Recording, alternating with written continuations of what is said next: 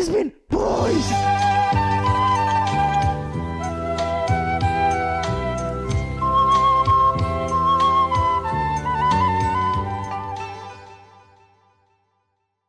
Oke, balik lagi di Kismin Podcast with Kismin Boys. Iya lah, Kismin sama Kismin banget. siapa? Makin cerotan. ya bersama admin tua di sini Oke. Admin Cong yang cap tikus. Ciu.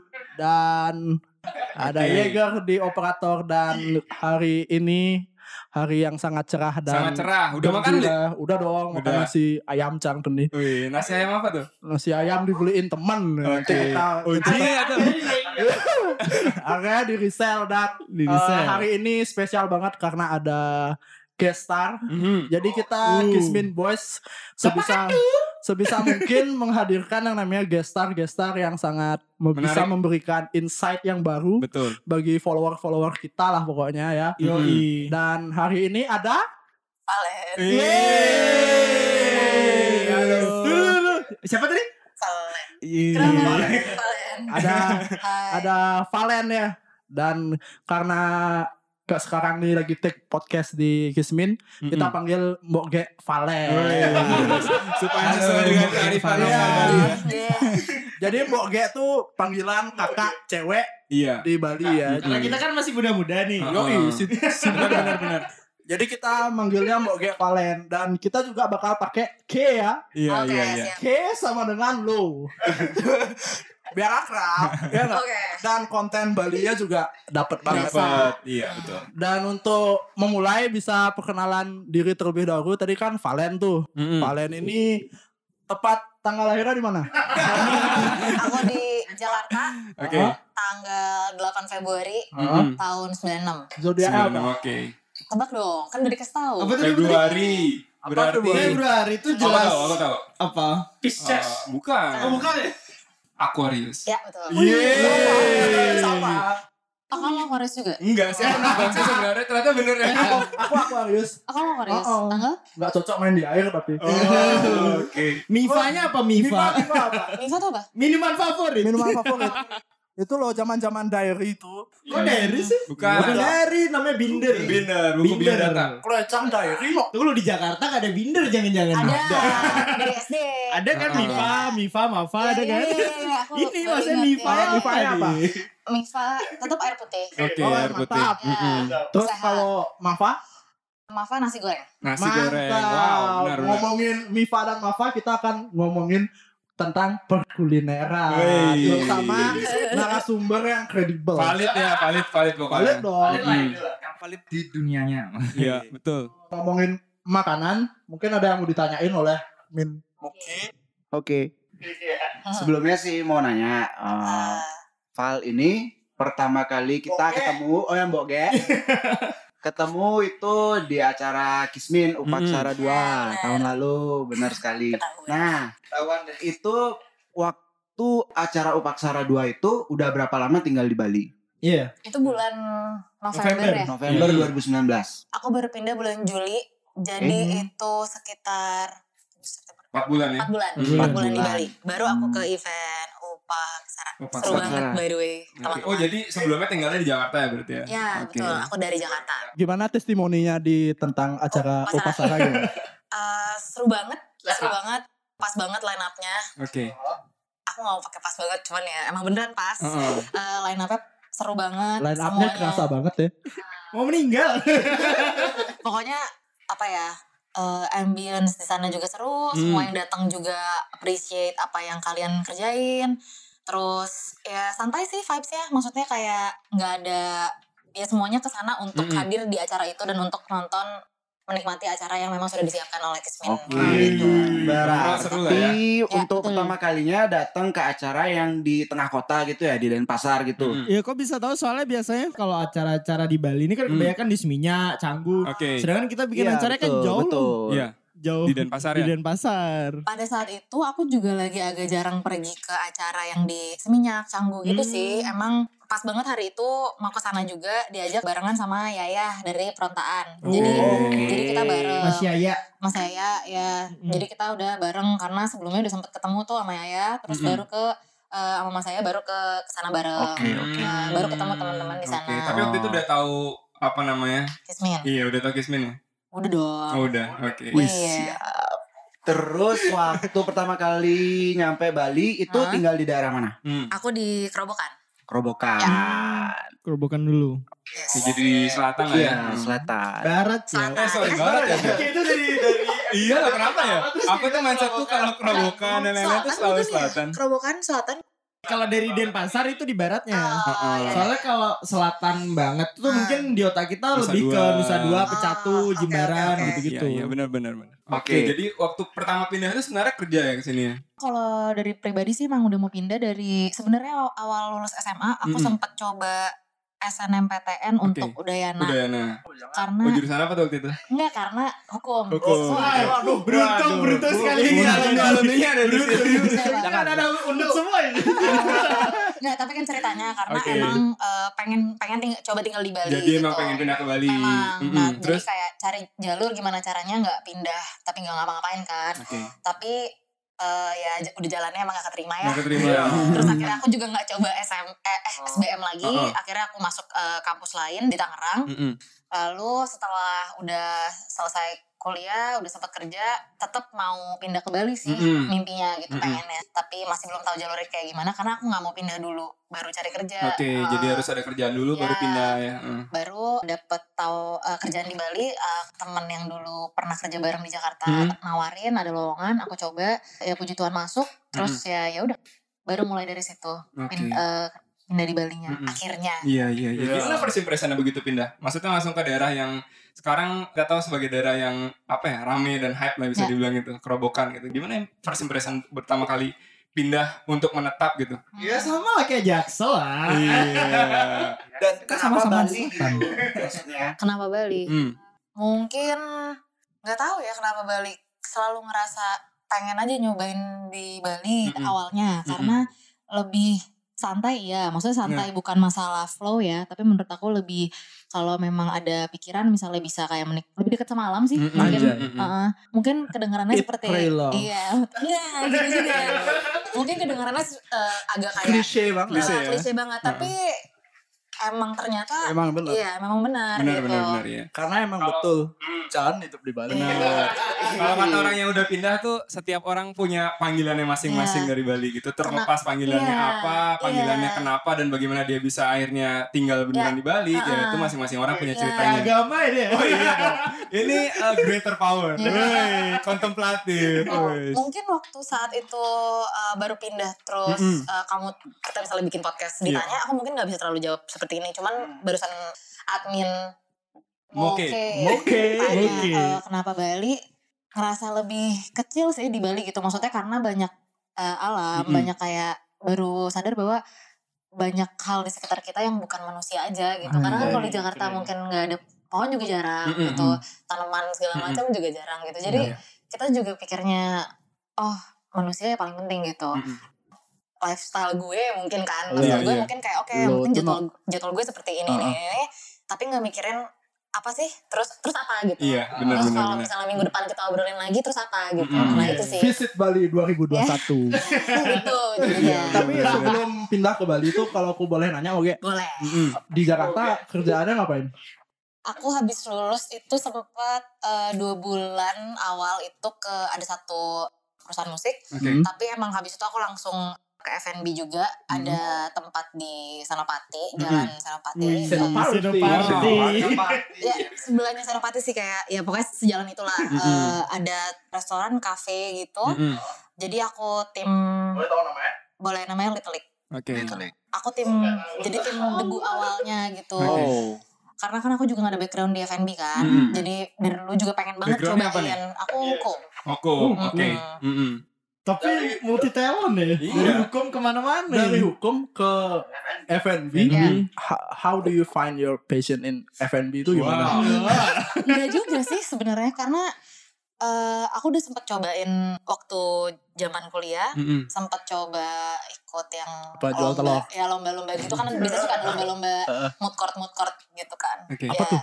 Oh, mood court. ya, Ya, ya, simulasi ya. sidang gitu Oke, lah ya. terus eh, sempat ikut sekali. Nah, habis itu sempat beberapa kali eh, intern juga di tapi emang aku khusus di intellectual property. Oh. Memang kayak ketertarikannya tuh ke sisi hak cipta, Dunia jadi kreatif ya, gitu dunia ya? kreatif Mm. memang ya. Oh bukan ITE. Yang Bukan deh. Oh ya tapi ya kayak Karet Ya. itu karet. ya terus ah, udah sempet coba-coba Mm-mm. terus ternyata udah sempet startup juga eh, Mm-mm. Pegang legal seperti itu pokoknya udah sempet intern-intern deh gitu udah Oke. coba-coba kayak setengah tahun sebelum aku lulus sebelum semester terakhir Mm-mm. aku coba internship itu karena aku pikir kalau emang aku lulus aku harus bener-bener yakin emang aku mau pilih hukum maksudnya jalur Iya. eh, Karir di situ. jadi ya karir di Mm-mm. situ dan aku nggak mau yang kayak tiba-tiba nyesal atau gimana dong Mm-mm. gitu akhirnya setelah coba nah entah karena satu dan lain hal tiba-tiba aku malah jadi sering foto sama video Hmm. jadi tiba-tiba eh, waktu itu belajar video tuh pertama kali aku inget banget di eh, ada startup di Jakarta Mm. co-working space gitu nah Oke. temennya temen aku yang graphic designer ngajarin gitu kayak eh ini loh cara bikin video so aku kayak kotak atik sendiri kayak seru juga ya gitu Hmm. karena aku emang suka nonton film pada saat itu Oke. terus ya udah cobain ternyata video foto nah yang sebenarnya bikin aku yakin tuh bukan F&B sih saat itu Apa aku lebih yakin kalau oke aku mau kerja di bidang ini maksudnya kreatif gitu. Kreatif, kayak yes. lebih ke foto dan video. Waktu itu Hmm. udah lumayan ah udah deh kayak coba aja deh gitu. Kayak udah lumayan mau ambil resiko ke situ. Tapi ternyata ya puji Tuhan lagi kayak ada lagi kayak tawaran kerjaan. Jadi Hmm. kayak aku nggak sempat juga sih sebenarnya sampai sekarang untuk fokus doang ke video atau foto. Tapi ya it is what it is. Yes, Dan itu tadi yang aku tangkap juga eh itulah bedanya anak muda di Jakarta sama di Bali. Hmm. Inter- di Jakarta internship internship gitu loh. Oh, di sini gimana? KKN. Orang dalam. KKN maksudnya kuliah kerja Ya. apa sih namanya? Apa kuliah kerja nyata? Kuliah kerja Iya. nyata ke desa. Loh. Ah. Wah, nggak ngapain juga di desa Pengabdian ya. masyarakatnya. Lo Iya. tapi kalau kampus Jakarta juga ada gitu tapi teman-teman aku juga nggak kayak gitu itu Hmm. maksudnya kalau emang jalurnya lancar ya tetap empat tahun kuliah Iya. lulus cari Itu kerja. pilihan Iya. pribadi Itu sih, pilihan opsional ya pribadi, berarti ya. pribadi But di Jakarta lebih banyak pilihannya untuk internship di Oh. mana kayak Ya. lebih banyak gitu. Soalnya di Bali mah internship mah di distro Tergantung kayak. industrinya sih tapi. Jaga distro. nah tapi kebetulan oh ya aku lupa dan aku harus ceritain ini Hmm, menurut aku oke. seru soalnya waktu awal aku masuk kuliah Mm-mm. awal abis SMA itu aku sempet nyari tempat internship jadi emang akunya udah kayak eh, oke kuliah sambil ngapain ya gitu Mm-mm. terus eh, ada ketemu satu brand gitu namanya LMT Oke. Eh, itu sih tempat kerja aku pertama di mana walaupun aku internship dan cukup panjang Mm-mm. sebenarnya waktunya tapi aku belajar banyak banget Mm-mm. karena owner-owner di sana yang ngerjain juga tuh sempat ada sempat kayak Jakarta Fashion Week juga sempat sekali Hmm, Oke. Eh, Keren. eh, yang kayak gitu maksudnya Hmm. sempat yang ke pertama kali touch base aku sama dunia kreatif tuh mungkin di Oh, situ gitu. oke. Nah dari situ baru yang kayak oh ternyata jalur karir tuh nggak cuman Nggak terbatas apa yang hanya aku itu. tahu ya, Iya, iya. iya, mungkin iya. itu sih salah satu faktor kenapa jadi makin Iya, penasaran. iya, iya. Ya. Ah. Kalau kan Nah. seru kalau dihukum terus bisa jadi kayak Otman Paris. Eh, tapi itu, itu lawyer ya.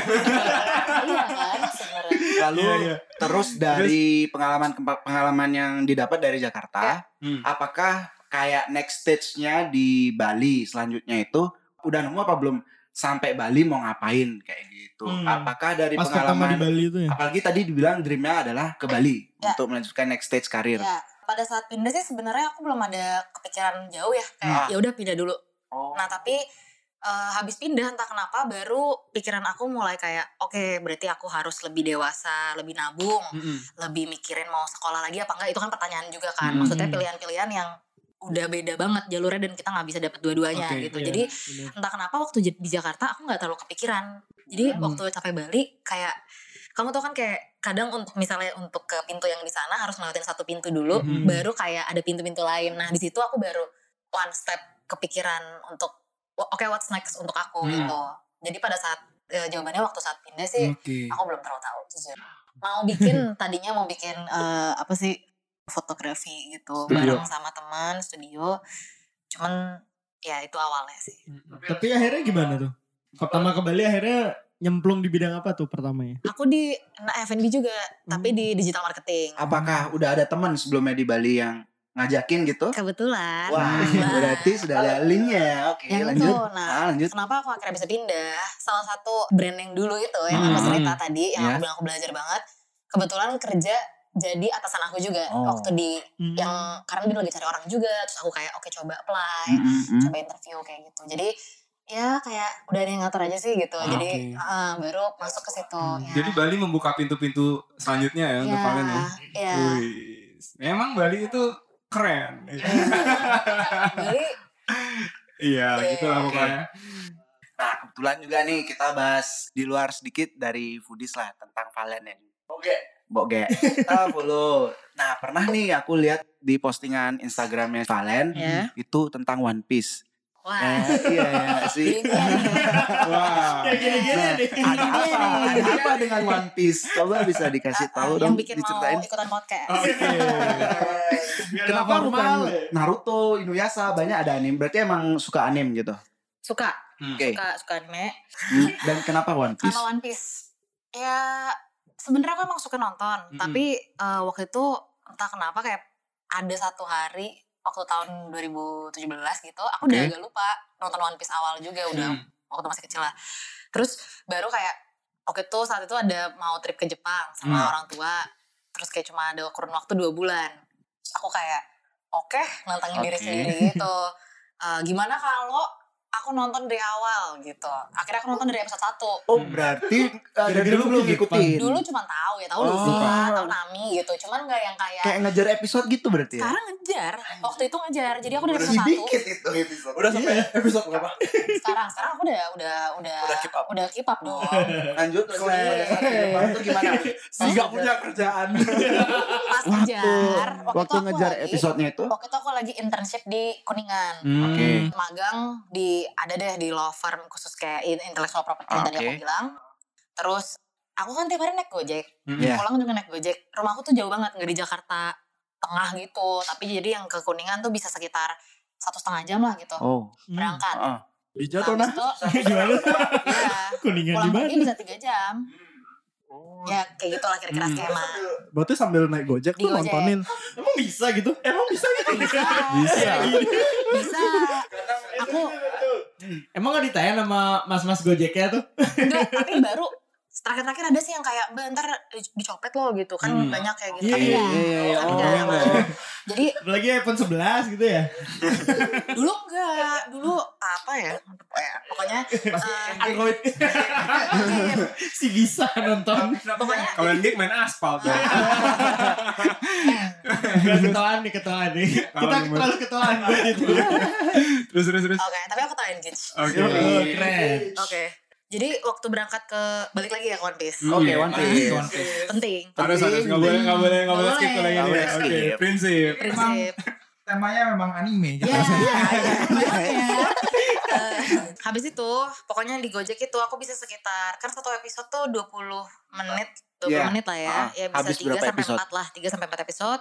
Makan siang itu aku bawa bekal. Hmm, Jadi aku oke. nggak ikutan teman-teman kantor Makan makan, di kantin luar. tuh enggak. Ah, ah. Aku bawa bekal, buka kalau nggak di komputer kantor, Iya, iya. buka di HP lagi, nonton. Pulang kayak gitu lagi, Hmm. nyampe rumah kayak gitu lagi. Sereligius itu ya? Saat itu ya Enggak, berarti antisosial juga berarti kan Saat itu, karena lumayan. intens banget. lumayan nah Hmm. ya terus udah mau bulan April kan aku berangkatnya Ah, ah. bulan April tuh udah Oke, mau deket-deket aku kayak pikir aduh kalau aku nonton terus kayaknya nggak kekejar ya Hmm. akhirnya aku shifting ke baca di arc yang pas Ace Oke. Oh.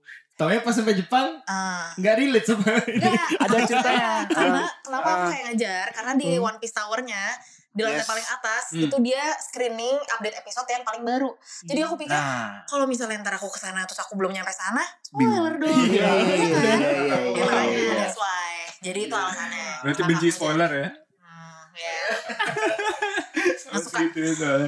Oke. Oke, terus? Ah, masih di, dari One Piece nih karena menurut teman-teman aku yang nonton One Piece tuh katanya sih ada beberapa scene tuh yang kayak relate gitu loh sama kehidupan. banget Nah, menurut menurut kalian scene ap- ya Mbak Ge ini apa sih yang paling kayak relate sebenarnya satu scene lah. ya mungkin nggak lebih kesin sih aku lebih yang Episode. aku suka dari One Piece Oke. karena karakter developmentnya gitu Oh, iya, dari awal dia ya bocah ingusan Mm-mm. belum Iya, terlalu iya, kayak iya. jago tapi dia tuh selalu baik banget sama teman-teman dia dia percaya kayak kamu bisa kamu bisa Hmm, yang kayak hmm, gitu dan kayak motivate. kumpulin teman-temannya yang kayak ayo kita sama-sama bisa ngalahin dia kayak kita bisa Sweet boys banget. Sweet banget. Iya kan? Karakter Iya, di satu di satu kapal gitu.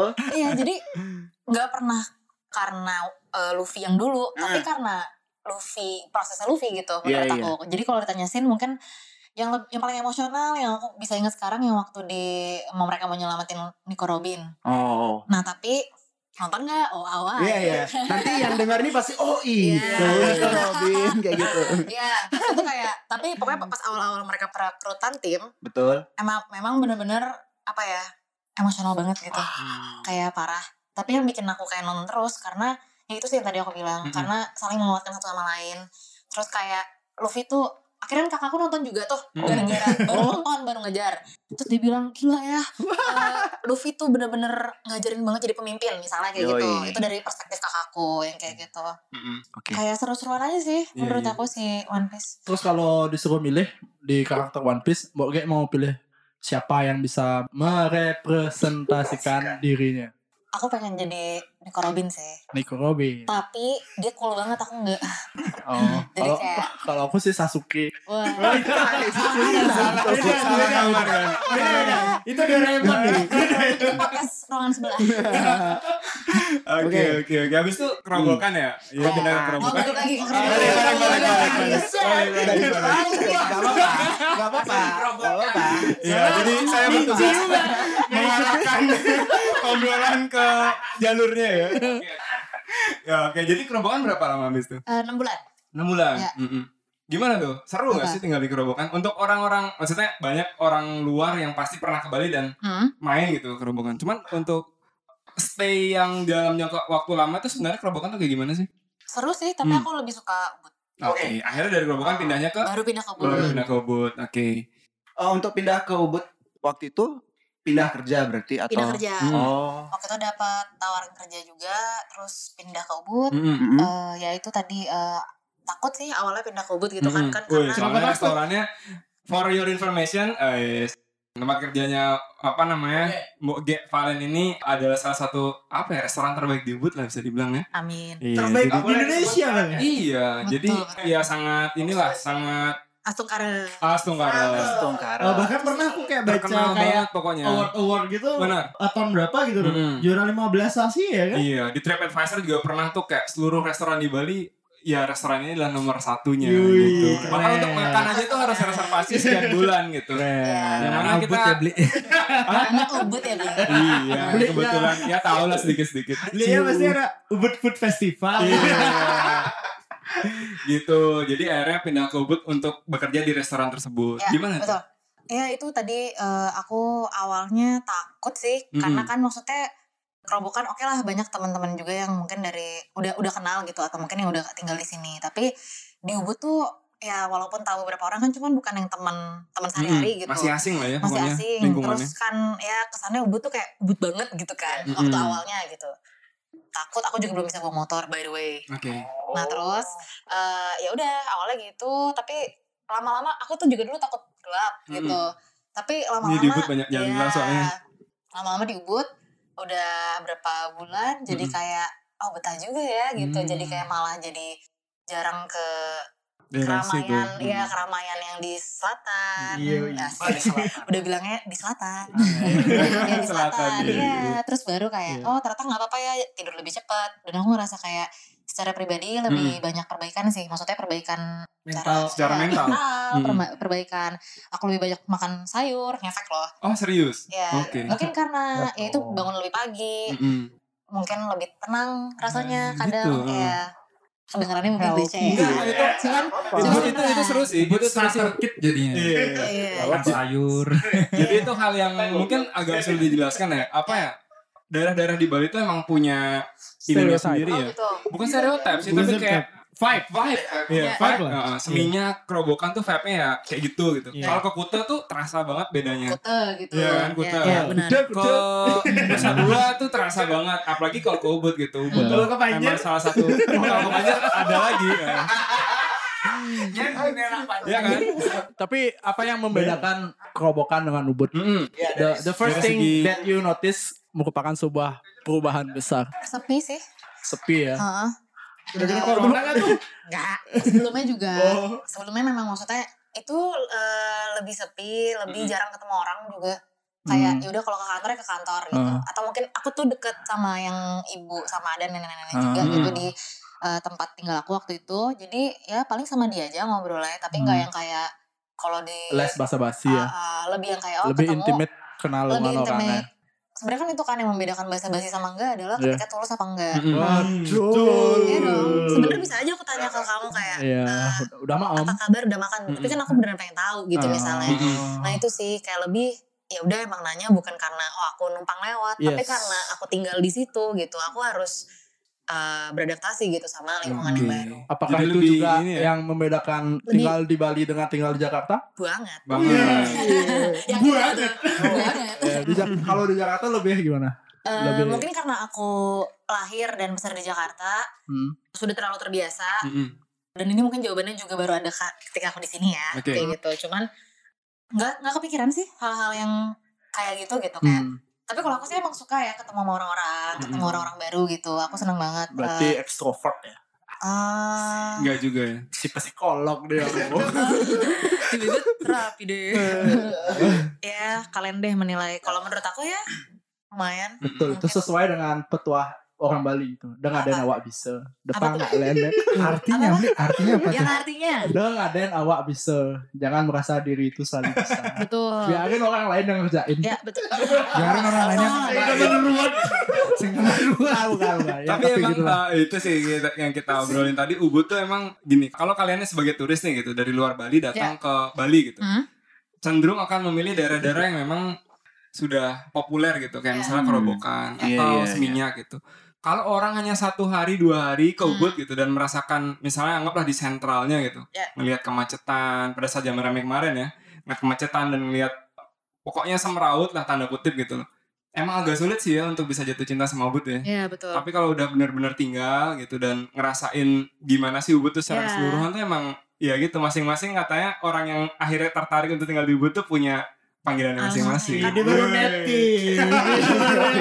Kalau netif bubut yang ngomong tuh beda. ya soalnya Iya. sebelum aku pindah itu ya kan embel-embelnya adalah yoga Mm-mm. gitu kan Nah, iya wow Iya, iya, kayak iya. super Mm-mm. tenang Namaste. gitu Mm-mm. tapi ternyata enggak ya Mm-mm. gitu kayak susah juga sih aku jelasinnya juga bingung gitu Mm-mm, sekarang mm-mm. cuman ya Tapi sesuai nggak sih ekspektasi pada saat di Jakarta dan pengen tinggal di Bali nih? Akhirnya setelah sekarang udah tinggal di Bali sekian bulan tuh sesuai nggak sih ekspektasinya secara secara general ya gitu? untungnya waktu aku berangkat aku nggak terlalu Membawa ekspektasi apa-apa ya? berekspektasi, Oke. ya aku lebih kayak ya udah ke mana pun aku pergi ke mana pun aku ditempatin gitu ya Mm-mm. ya aku pengen ngelakuin yang terbaik yang aku bisa gitu maksudnya Mm. kayak termasuk ke orang-orangnya juga termasuk Mm. kayak ke pekerjaan yang aku lakuin termasuk kayak ya intinya gimana caranya aku adaptasi dan menjadi tanaman yang baik lah di mana pun gitu jadi Oke. aku nggak mau kayak datang jadi pendatang terus yang kayak ngegeng sendiri yang Mm, kayak gitu gitu Betul betul. Respect Kayak-. Respect. karena apa bedanya gitu maksudnya Hmm. kayak buat apa Ngerti, jadinya Dan salah satu uh, sikap yang ditunjukkan adalah datang ke gigsnya Kismin. Wow. gitu. Kayak gitu. Kali kawan. iyalah support lokal Oke. Oke. Ini nih yang gue penasaran kan Valen ini ikutan kolektif. Ya. Mm-mm. Kolektif yang kebetulan Kismin Best juga ada kolapsnya juga bikin produk. ya betul Lazy Susan. Oi. Lazy Susan. Sebelum masuk ke sana ini ada kaitannya juga sama Lazy Susan Oke. karena foodies gitu. Ya. Kita juga sering lihat instastory dari Valen itu kayak ke suatu tempat setiap hari yang kita lihat itu makanannya beda-beda kayak gitu. Hmm. Apakah Ya. itu udah ada rekomendasinya kayak gitu apa explore aja sendiri kayak Sering gitu. nyobain makanan di Bali. Kayaknya rekomendasi Sering ya. sih. Soalnya tadi kita sempat rekomendasiin beberapa makanan tuh langsung dicatat. Nah, Iya. itu Dia langsung dicatat namanya dan Keren. alamatnya. Jadi Eh, berdedikasi sekali. kebanyakan rekomendasi sih Hmm. kebanyakan Oh. kalau kalau untuk yang makanan eh, maksudnya yang kayak emang bener-bener gak bakal Makanan ada di Bali, Google gitu makanan lokal. Hmm. apalagi udah sekarang mau udah betul aku udah setahun di Bali Wih. Nggak, maksudnya udah Jadi masuk Keren. Congrats. kayak bulan-bulan ya belum bukan bulan-bulan awal lagi udah rekomendasi sih jatuhnya gitu Iya. dari awal pindah juga ada teman aku yang dari Jakarta pindah ke sini dia kasih rekomendasi juga Mm-mm. sekarang kalau aku ke kantor ke restoran atau ke mana kalau misalnya dikasih tahu kayak eh ini cobain ini udah coba Mm-mm. belum gitu kayak Mm. babi guling Apa? Apa aku kemarin udah coba. Rekomendasi sih kebanyakan.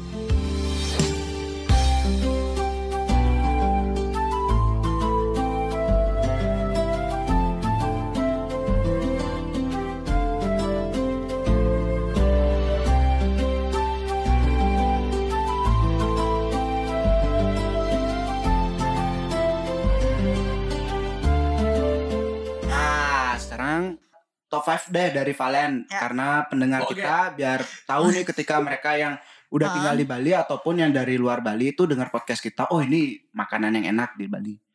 Dari Oke. Valen. Duh, Top Ini 5. pressure nih. Gak usah berurutan ya. Iya, nggak usah top 5 atau yang lagi nyangkut aja di Oke, kepala. Oke, oke, oke. Nggak nggak mesti nomor satu tuh yang paling enak Iya, atau gimana enggak. sih? Just top 5 Oke. Aku suka bebek goreng Pat Moroso ada di Kerobokan. Boom. Oke, Pak Moroso. Enggak tahu. Enggak tahu. tahu. Dia ibunya dari Pulau Jawa, jadi dia pindah ke sini. Iya, iya, iya, Oh. pasti, Oh. pasti. Sambal korek soalnya. Hmm. Terus kalau dia Pak Budi nih.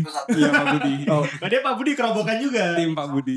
Sambal hijau ya biasanya bebek. Kayak sambal yang campur yang merah sama minyak yang banyak. Nah, terus di Oh, sana kamu di ada tapi kayaknya lagi tutup gara-gara pandemi, cuman biasanya kalau di sana dikasih kayak minyak botolan. Oh, disiramin ya? buang. Oh, Buang. enak. Oke.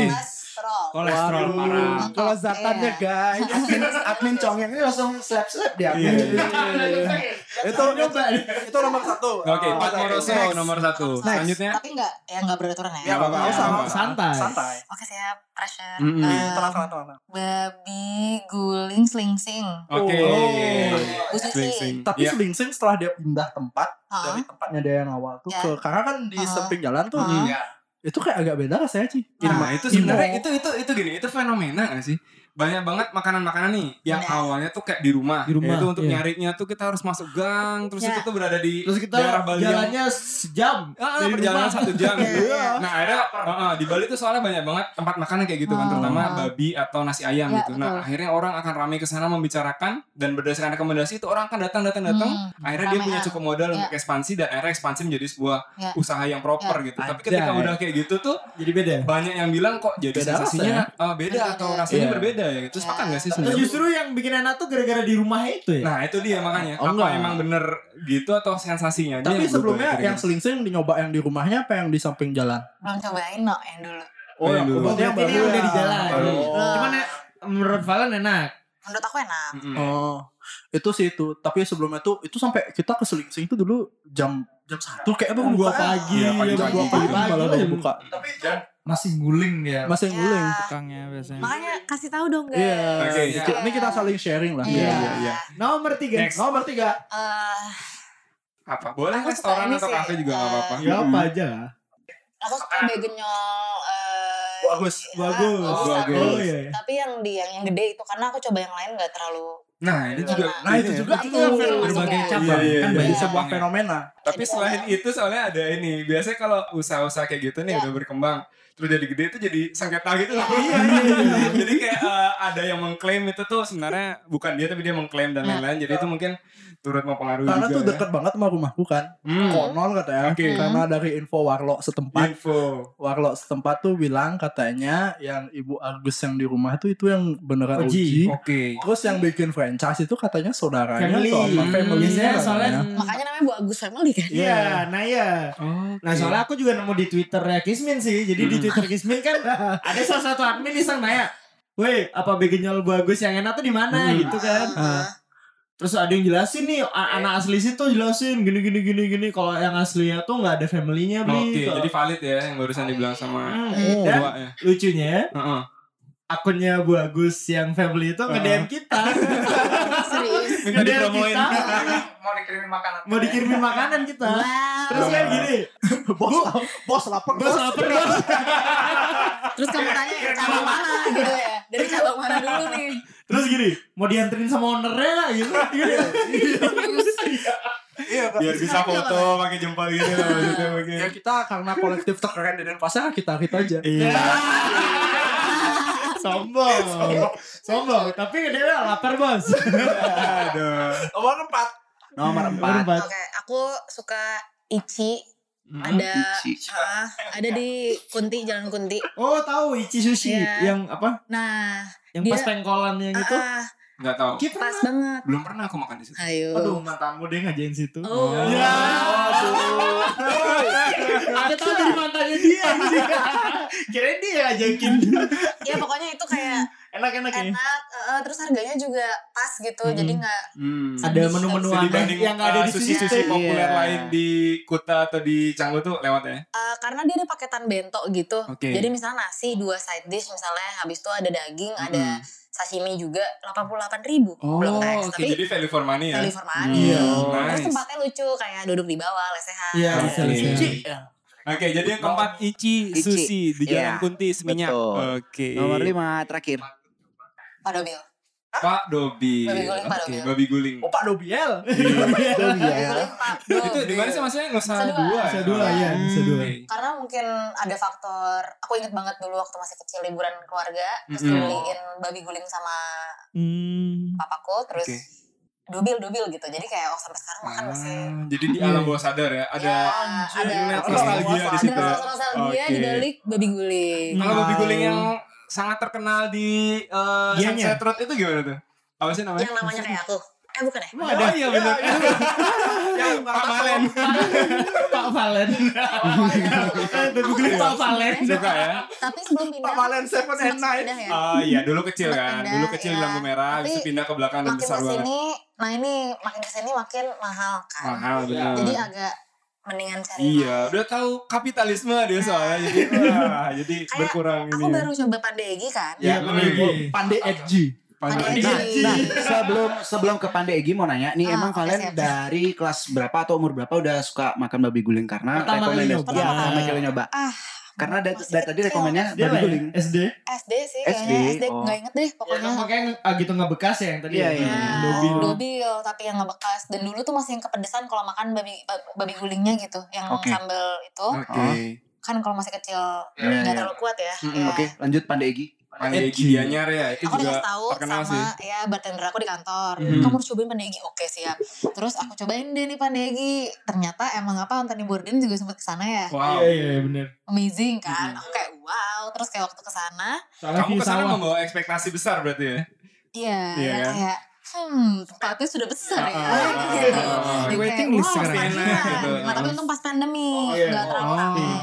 Tapi aku kesorean ya ke sana baru berangkat jam setengah empat. Oh, udah udah habis. Habis sih pasti. Waktu aku ke sana nggak ada kulitnya. Iya. Gila sih? Udah jauh lagi ya? Ah stres iya. Iya. Kuahnya juga habis. Iya. Satenya ada. Jatuhnya sih. jatuhnya belum makan lah ya. Oke. Nah, tapi aku agak salutnya Next oh lah coba lagi lah. ya Mm-mm. harus. Aku salutnya tapi wah gila udah besar seperti ini, udah banyak publikasi tapi tetap harganya oke ya. Iya. Nggak yang tiba-tiba iya. Tiba-tiba naik Dan segala macam. mereka saat yang aku ke sana lagi em, wow pizza. Makasih. Thank you. Thank you, Oh. bos. terus eh, eh, terus eh, iya waktu waktu ke sana lagi bangun lantai dua terus aku pikir keren ya berarti mereka mau, eh, memperbanyak kapasitas aja Mm-mm. untuk orang-orang makan dibanding naikin harga Iya. gitu Wow. keren Tuh, aku kayak wow Dengar-dengar tuh nanti di lantai dua tuh ada DJ setnya Iya, gitu. ada. Eh, Babi guling harus coba ini sih di? Ubud Gungcung. udah coba Udah coba ya. Sweta ya, di mana? Satu lagi di Jalan Sweta. Dekatnya babi guling udah yang terkenal itu. Mm. Itu Tapi kalau aku boleh rekomen juga eh, Ya, boleh dong hidangan khas Bali Nangka Utara khususnya Ricis Factory. Mana kau tahu?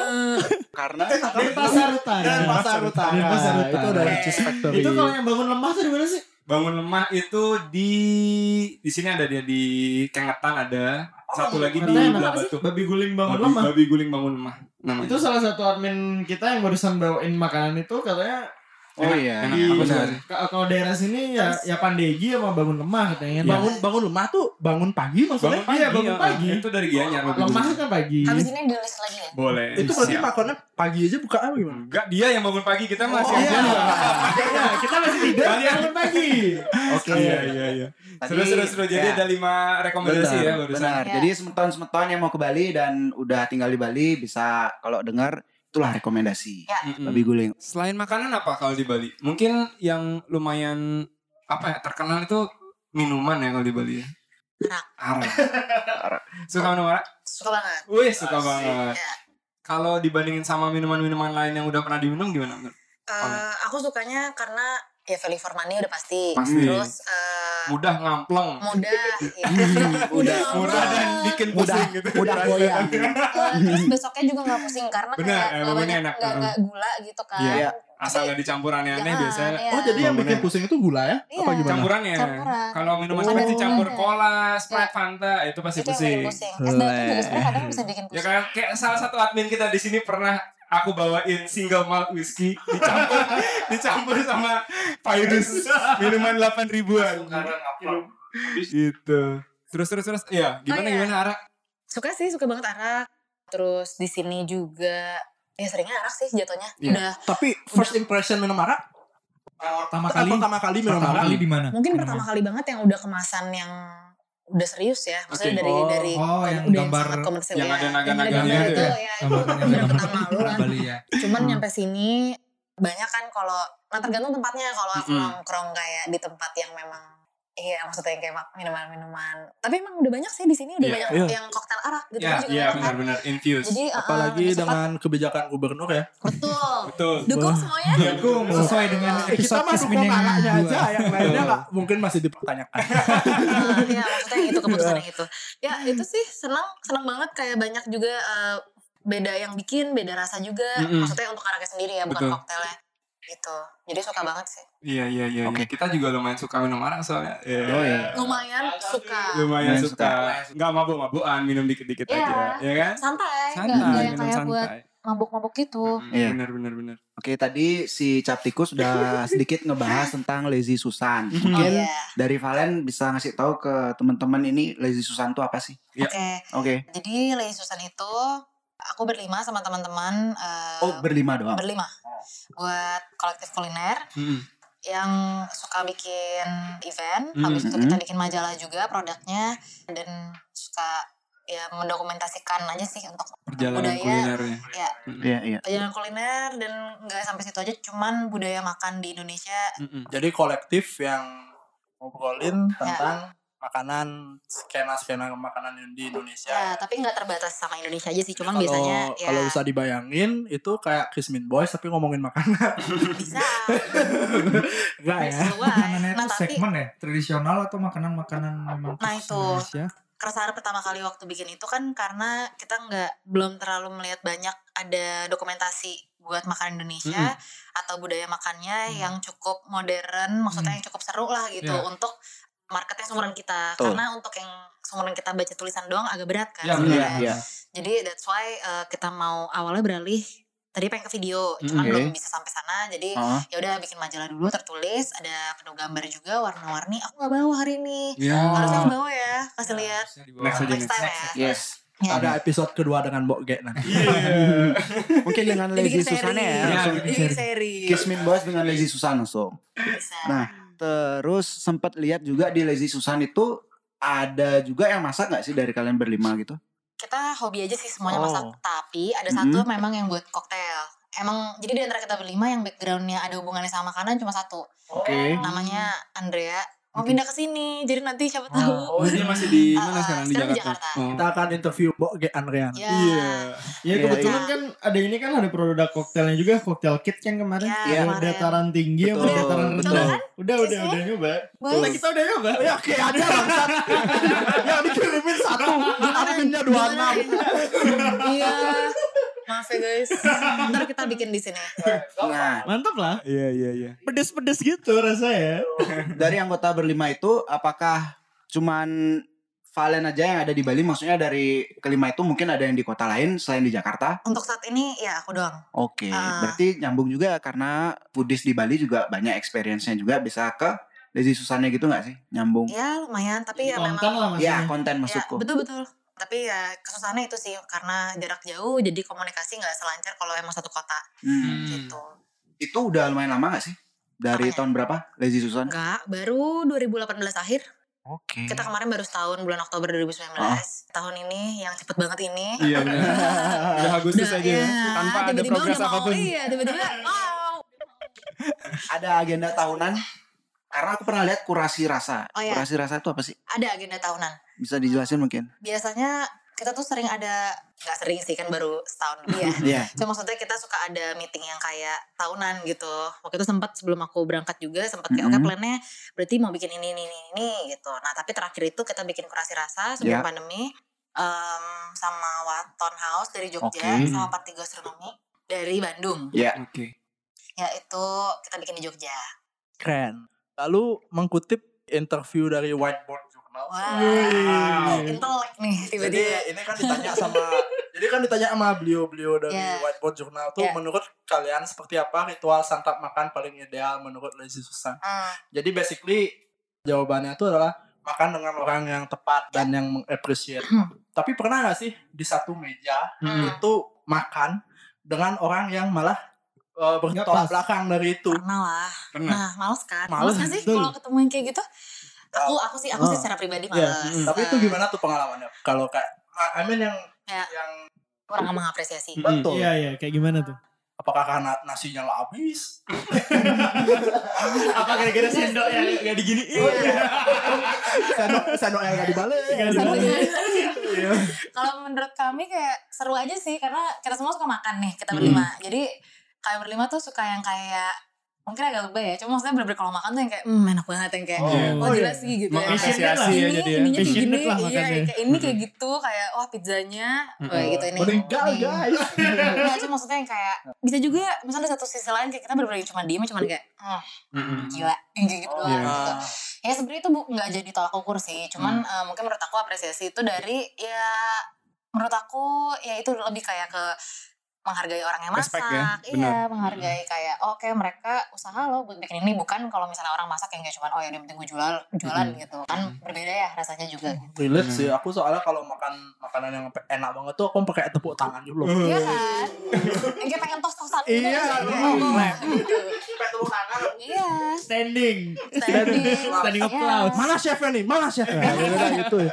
ketemu saya sekarang Kalau bisa memilih, Ya. misalkan pilih lima orang atau tokoh yang ingin aku ajak makan bareng yes dalam satu Lagi table. lima. Ya lima aja lah. Ya Kalau lima. Walt Disney Wow. Oh, Disney. oh, Disney. Eh, ininya resortnya apa orang? apa? Walt orang? Walt Eh, Snoop Dogg. Oh, Kenapa Snoop Dogg? Eh, Tahu. Tiga? Eh, bentar, bentar. Aku agak kayak, eh, Eh, gila, ini perlu mikir sih. hmm. Hmm, Bu Siska. eh, Siapa tuh?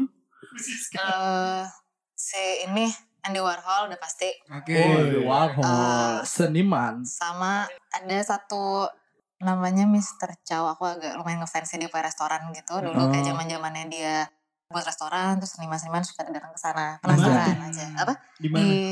New York kayaknya kalau nggak salah pertama kali. Aku pernah sih main di sana. Iya, Hmm. iya. Nongkrong lah. Oh, kalau Iya, iya. Waktu nongkrong. Tapi Nah. kayaknya nggak masuk top 5 deh. Aku boleh berubah gak? Gue Boleh, bebas, bebas. Manusia itu serah. banyak gininya lah. Oke. Kita fleksibel aja. Nah, Oke. kalau dari misalkan udah tuh duduk berlima tuh, mau masakin apa buat mereka? Aku yang masak. Iya, siapa tahu kan? Enggak, milih menu lah. Milih menu. Oh. At least, Menu. at least milih menu. Masakannya apa? Eh, Babi boleh campur-campur ya. Ini Oh, nggak usah nggak lah. usah nyambung gitu ya. Soalnya Snoop Dogg masa dikasih rujak kuah pindang gitu kan. Aku tadi belum lima orang. Belum belum ya? belum Belum, belum. dulu. Baru satu. Ya udah. Aku masih mau butura sih kayaknya. Ada chef eh, masih mau butura. Hmm. Dia ada. eh, ya. Oh, saudaranya Hiroshi Fujiwara. Saya gitu.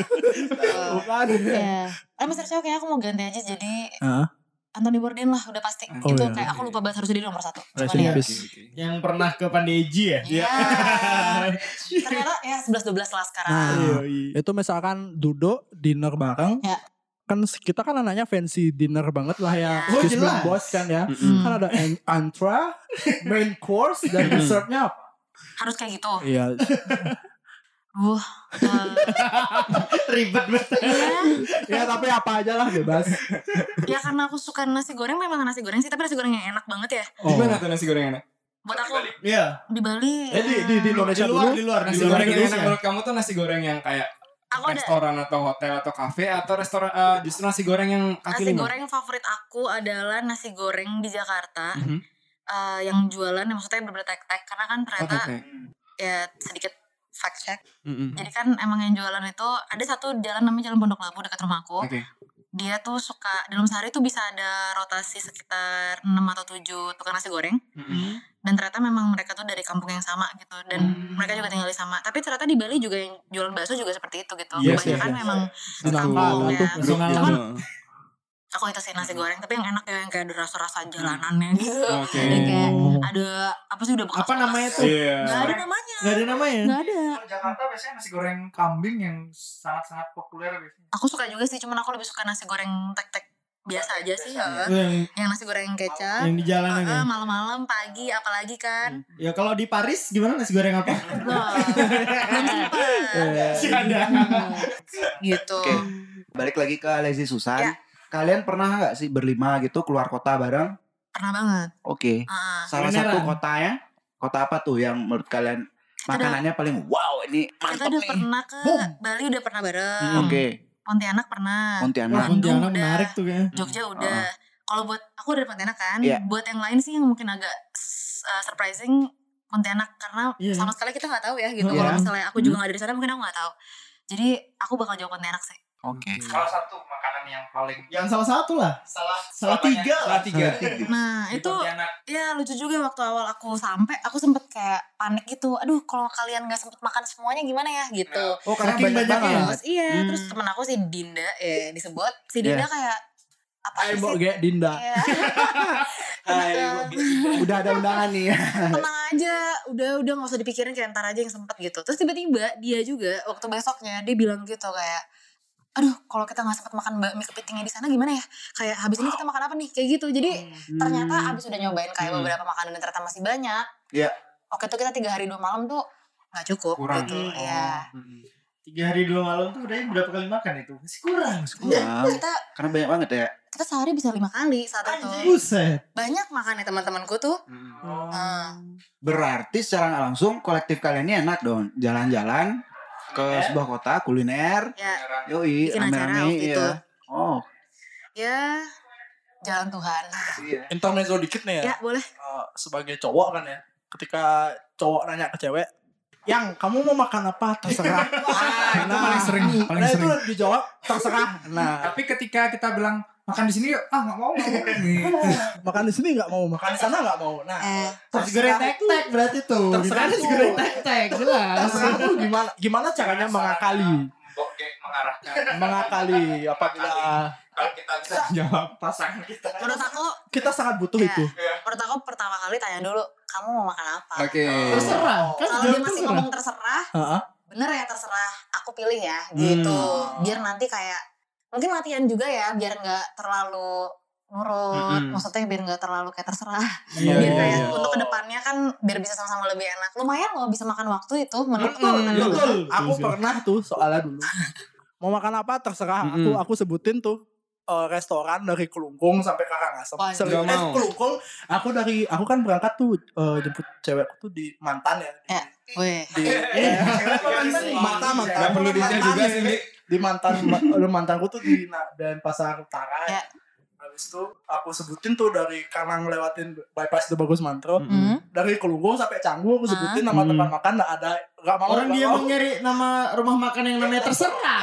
Ah. Itu. Enggak terus habis itu kamu suruh turun kan terus akhirnya putus kan? Ya, jadi putusnya gara-gara itu. Gara-gara itu makanya Gara-gara itu. Mantan kan Iya, katanya. Iya, nggak apa-apa Turun kamu gitu di lampu merah diturunin. Di Canggu diturunin. Jadi jauh. Untuk pacaran sekarang pengertian sih. Iya, menjilat. Menjilat. Balik lagi ke Lazy Susan. oke Ada nggak sih agenda tahunan kalian yang di 2020 ini nggak bisa kerealisasi karena pandemi? banyak Apa aja tuh? majalah ketiga terus kurasi rasa Oke. harusnya bulan Juli di Bali Mm-mm. itu juga gak jadi kan padahal Sayang semua kita banget. bisa bareng-bareng Banget, Iya. betul. Tapi emang banyak banget sih event di Bali terutama yang kalau di Ubud ya Ubud Food Festival udah pasti di cancel Mm-mm. tahun ini kan. Terus ada Ubud Jazz Ya. Village Festival, ada Banyak Bali lah ya. Spirit, ada Mm-mm. Ubud uh, Writers and Leaders Festival Ya. tuh udah di cancel. Jadi benar-benar arah sih Ya. 2020 Paling sedih sih yang di cancel tuh pameran di sesetan sih. Ah iya. Astaga. Apa gue yang mau but? Terus eh, untuk agenda selanjutnya mungkin dari Lazy Susan setelah pandemi itu apa? Eh, kita masih mau fokus fokus sekarang sih yang lagi ongoing kita lagi pengen bikin uh, zin karena kan sebelumnya majalah memang Mm-mm. Iya. Uh, zin maksudnya yang lebih ringan Iya. ba- berbahasa Indonesia karena sebelumnya Oke. kita berbahasa Inggris, Bahasa Inggris. ya bahasa Indonesia itu sih satu uh, sama lagi ya nunggu aja sih sebenarnya Iya, jatuhnya ya Tuh. karena masih bingung juga gitu gimana geraknya Nunggu dan berserah. Iya. Iya. Heeh. ya tapi berusaha sebisa mungkin tetap membahas lah apa yang mau kita lakuin jadi nggak hilang-hilang banget kalau ntar udah ketemu tetap lagi keep in touch lah ya. Ini kan Boge sering ini ya makan-makan sama Ah. temennya. Ah, Nah kalau kita suka makan-makan, biar menjaga tubuhnya agar tetap profesional tuh bagaimana? Ayo, apakah sering olahraga atau gimana sih? nggak ada nggak Sim- sih jawabannya itu Nggak, aku Aku aku tahu jawabannya. Ah. Kita harus menghitung namanya kalori intake dalam tubuh. Yo. Iya. Admin gym. Iya. iya. admin air putih galon di gym Iya. Jadi asal makan makan aja semuanya. Enggak sih, aku kayak kalau emang ya tahu diri aja sih kalau kalau emang kayak weekend gitu memang kan makan di luar juga nggak murah Ya, kan benar. kalau emang lagi makan di rumah misalnya bisa masak yang gampang sehat sayur buah gitu eh enggak lah aku jarang makan buah tapi sayur eh, atau nggak pakai nasi aku biasanya enggak tapi kalau misalnya kayak weekend kayak oh habis ini mau makan ini nasi gitu ya makan makan aja Makan aja. ya tapi jangan terlalu dengerin aku sih aku nggak terlalu jaga makan soalnya Oh. Mm-mm. Tadi itu kan ngomongin di luar ya, makan di luar pun sekarang juga udah terbatas karena ke mana-mana harus pakai masker. ya betul Nah, ini ngomongin masker, ada rencana kolaborasi dengan dengan kolektif terkeren sekota Denpasar. Oh betul. Kalau nggak terkeren jangan mau. ya, Diajak kita nih- collab dirit kan? Iya. Centang biru aja nggak di retweet Kayak kayak aja. Gismin. Oh, untung. Iya. Tapi ngomongin uh, masker sendiri, Hmm? gimana tuh inspirasi desainnya? Kita kan udah lihat sih previewnya. Dia itu ada kayak gambar ini sih apa menarik jadi ada gerobak, ada gelas koktail Ya sama logo. sama logo. Itu tuh gitu maksudnya kenapa gerobak apa gelas koktail tuh menarik ya. Heeh. Itu kayak Awalnya- cross culture gitu. Asik. Jadi awalnya sebelumnya thank you banget untuk Kismin Boy sudah ngajakin kita. Ya dong. Kita excited banget. Eh, teman-teman semua langsung yang kayak wah serius serius lo serius lo terus kayak bikinin meme gitu. BTW bikinin meme lah. Oke. Ya, nanti Oke. Nggak soalnya ya jadi kita semangat banget terus waktu dikasih kayak gitu kita kayak oke gimana ya nih eh, kalau misalnya kita main terlalu di pattern hmm, kayaknya nggak deh gitu jadi ya udah oke gimana kalau eh, kayak si apa inspirasinya dari si koktelnya kan juga agak kayak gitu tuh agak kotak-kotak kayak Menyajikan. kayak instructions gitu lah gitu. Oke. jadi oke apa ya tapi isinya kotak-kotak ini. Mm-mm. oke logo Susan satu pasti apa ya yang kita banget ya? Ya udah kayak waktu itu ngobrol di grup aja gitu kita emang sering kepikiran langsung di grup. Langsung kayak eh oke eh, koktail gitu. Terus eh, sama gerobak gitu. Oke harusnya udah pikirin. Itu prosesnya Sama ada ini sih quote Ya, tersembunyi. iya. Yang di dalamnya itu. ya. Iya. Nggak dibilang. sorry ya pokoknya itu dari Dinda halo Mbak Dinda Halo Dinda. Mbak kayak Dinda. lagi lagi tadi udah tadi udah tadi udah Iya jadi ya eh, nggak tahu kayak lagi ngobrolin apa terus tiba-tiba dia nyaut aja terus kayak eh eh, keren nih kayaknya kalau bagus untuk di bagian dalam gitu. Iya. Oke terus ya udah proses berpikirnya kurang lebih kayak gitu sih. ya pokoknya ada pesan tersembunyi lah di dalam masker Ya, itu nanti Apa cek ya? aja lah Kapan rilis Pak? Kapan launching? dua hari lagi anjir Podcastnya dulu apa maskernya dulu? maskernya dulu Maskernya dulu. Oh iya berarti saat ini bisa dibeli di Oh iya, sini. saat ini kebetulan udah sold out ya pasti ya. kebetulan rilis sudah sold out. Enggak, maksudnya ketika ketika podcast ini dirilis, Iya, mohon maaf ya udah sold out ya. Iya. DM emailmu saat Ditunggu tuh ada yang reseller-reseller tuh di Shopee tuh.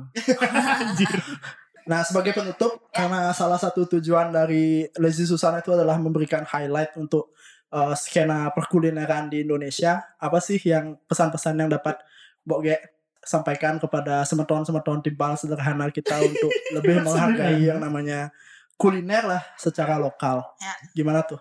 Adakah pesan Jangan kesanan-pesan? jangan takut cobain makanan. Hmm. sama aja sih untuk nyambungin ya nggak cuman kuliner aja tapi nyambung lagi ke mungkin yang tadi aku bilang aku pindah ke Bali segala macam jangan Iya, takut benar. nyoba aja sih Iya benar. kayak ya udahlah Mm. paling ujung-ujungnya salah atau ujungnya nggak enak atau ujungnya nggak cocok, di, cocok di lidah Mm-mm. tapi ya ya udah emang kenapa Benar, Iya, yang penting iya, tahu kan Iya, iya, Iya, iya. Jadi jangan pernah takut untuk mencoba makan. betul Iya. Mencoba apa pun lah. Mencoba Mencoba apa pun. apa pun. Dan jangan lupa ketika mendapatkan makanan yang enak, kamu ya bersyukur nggak bilang Oh, enggak. mate nih. Enak banget.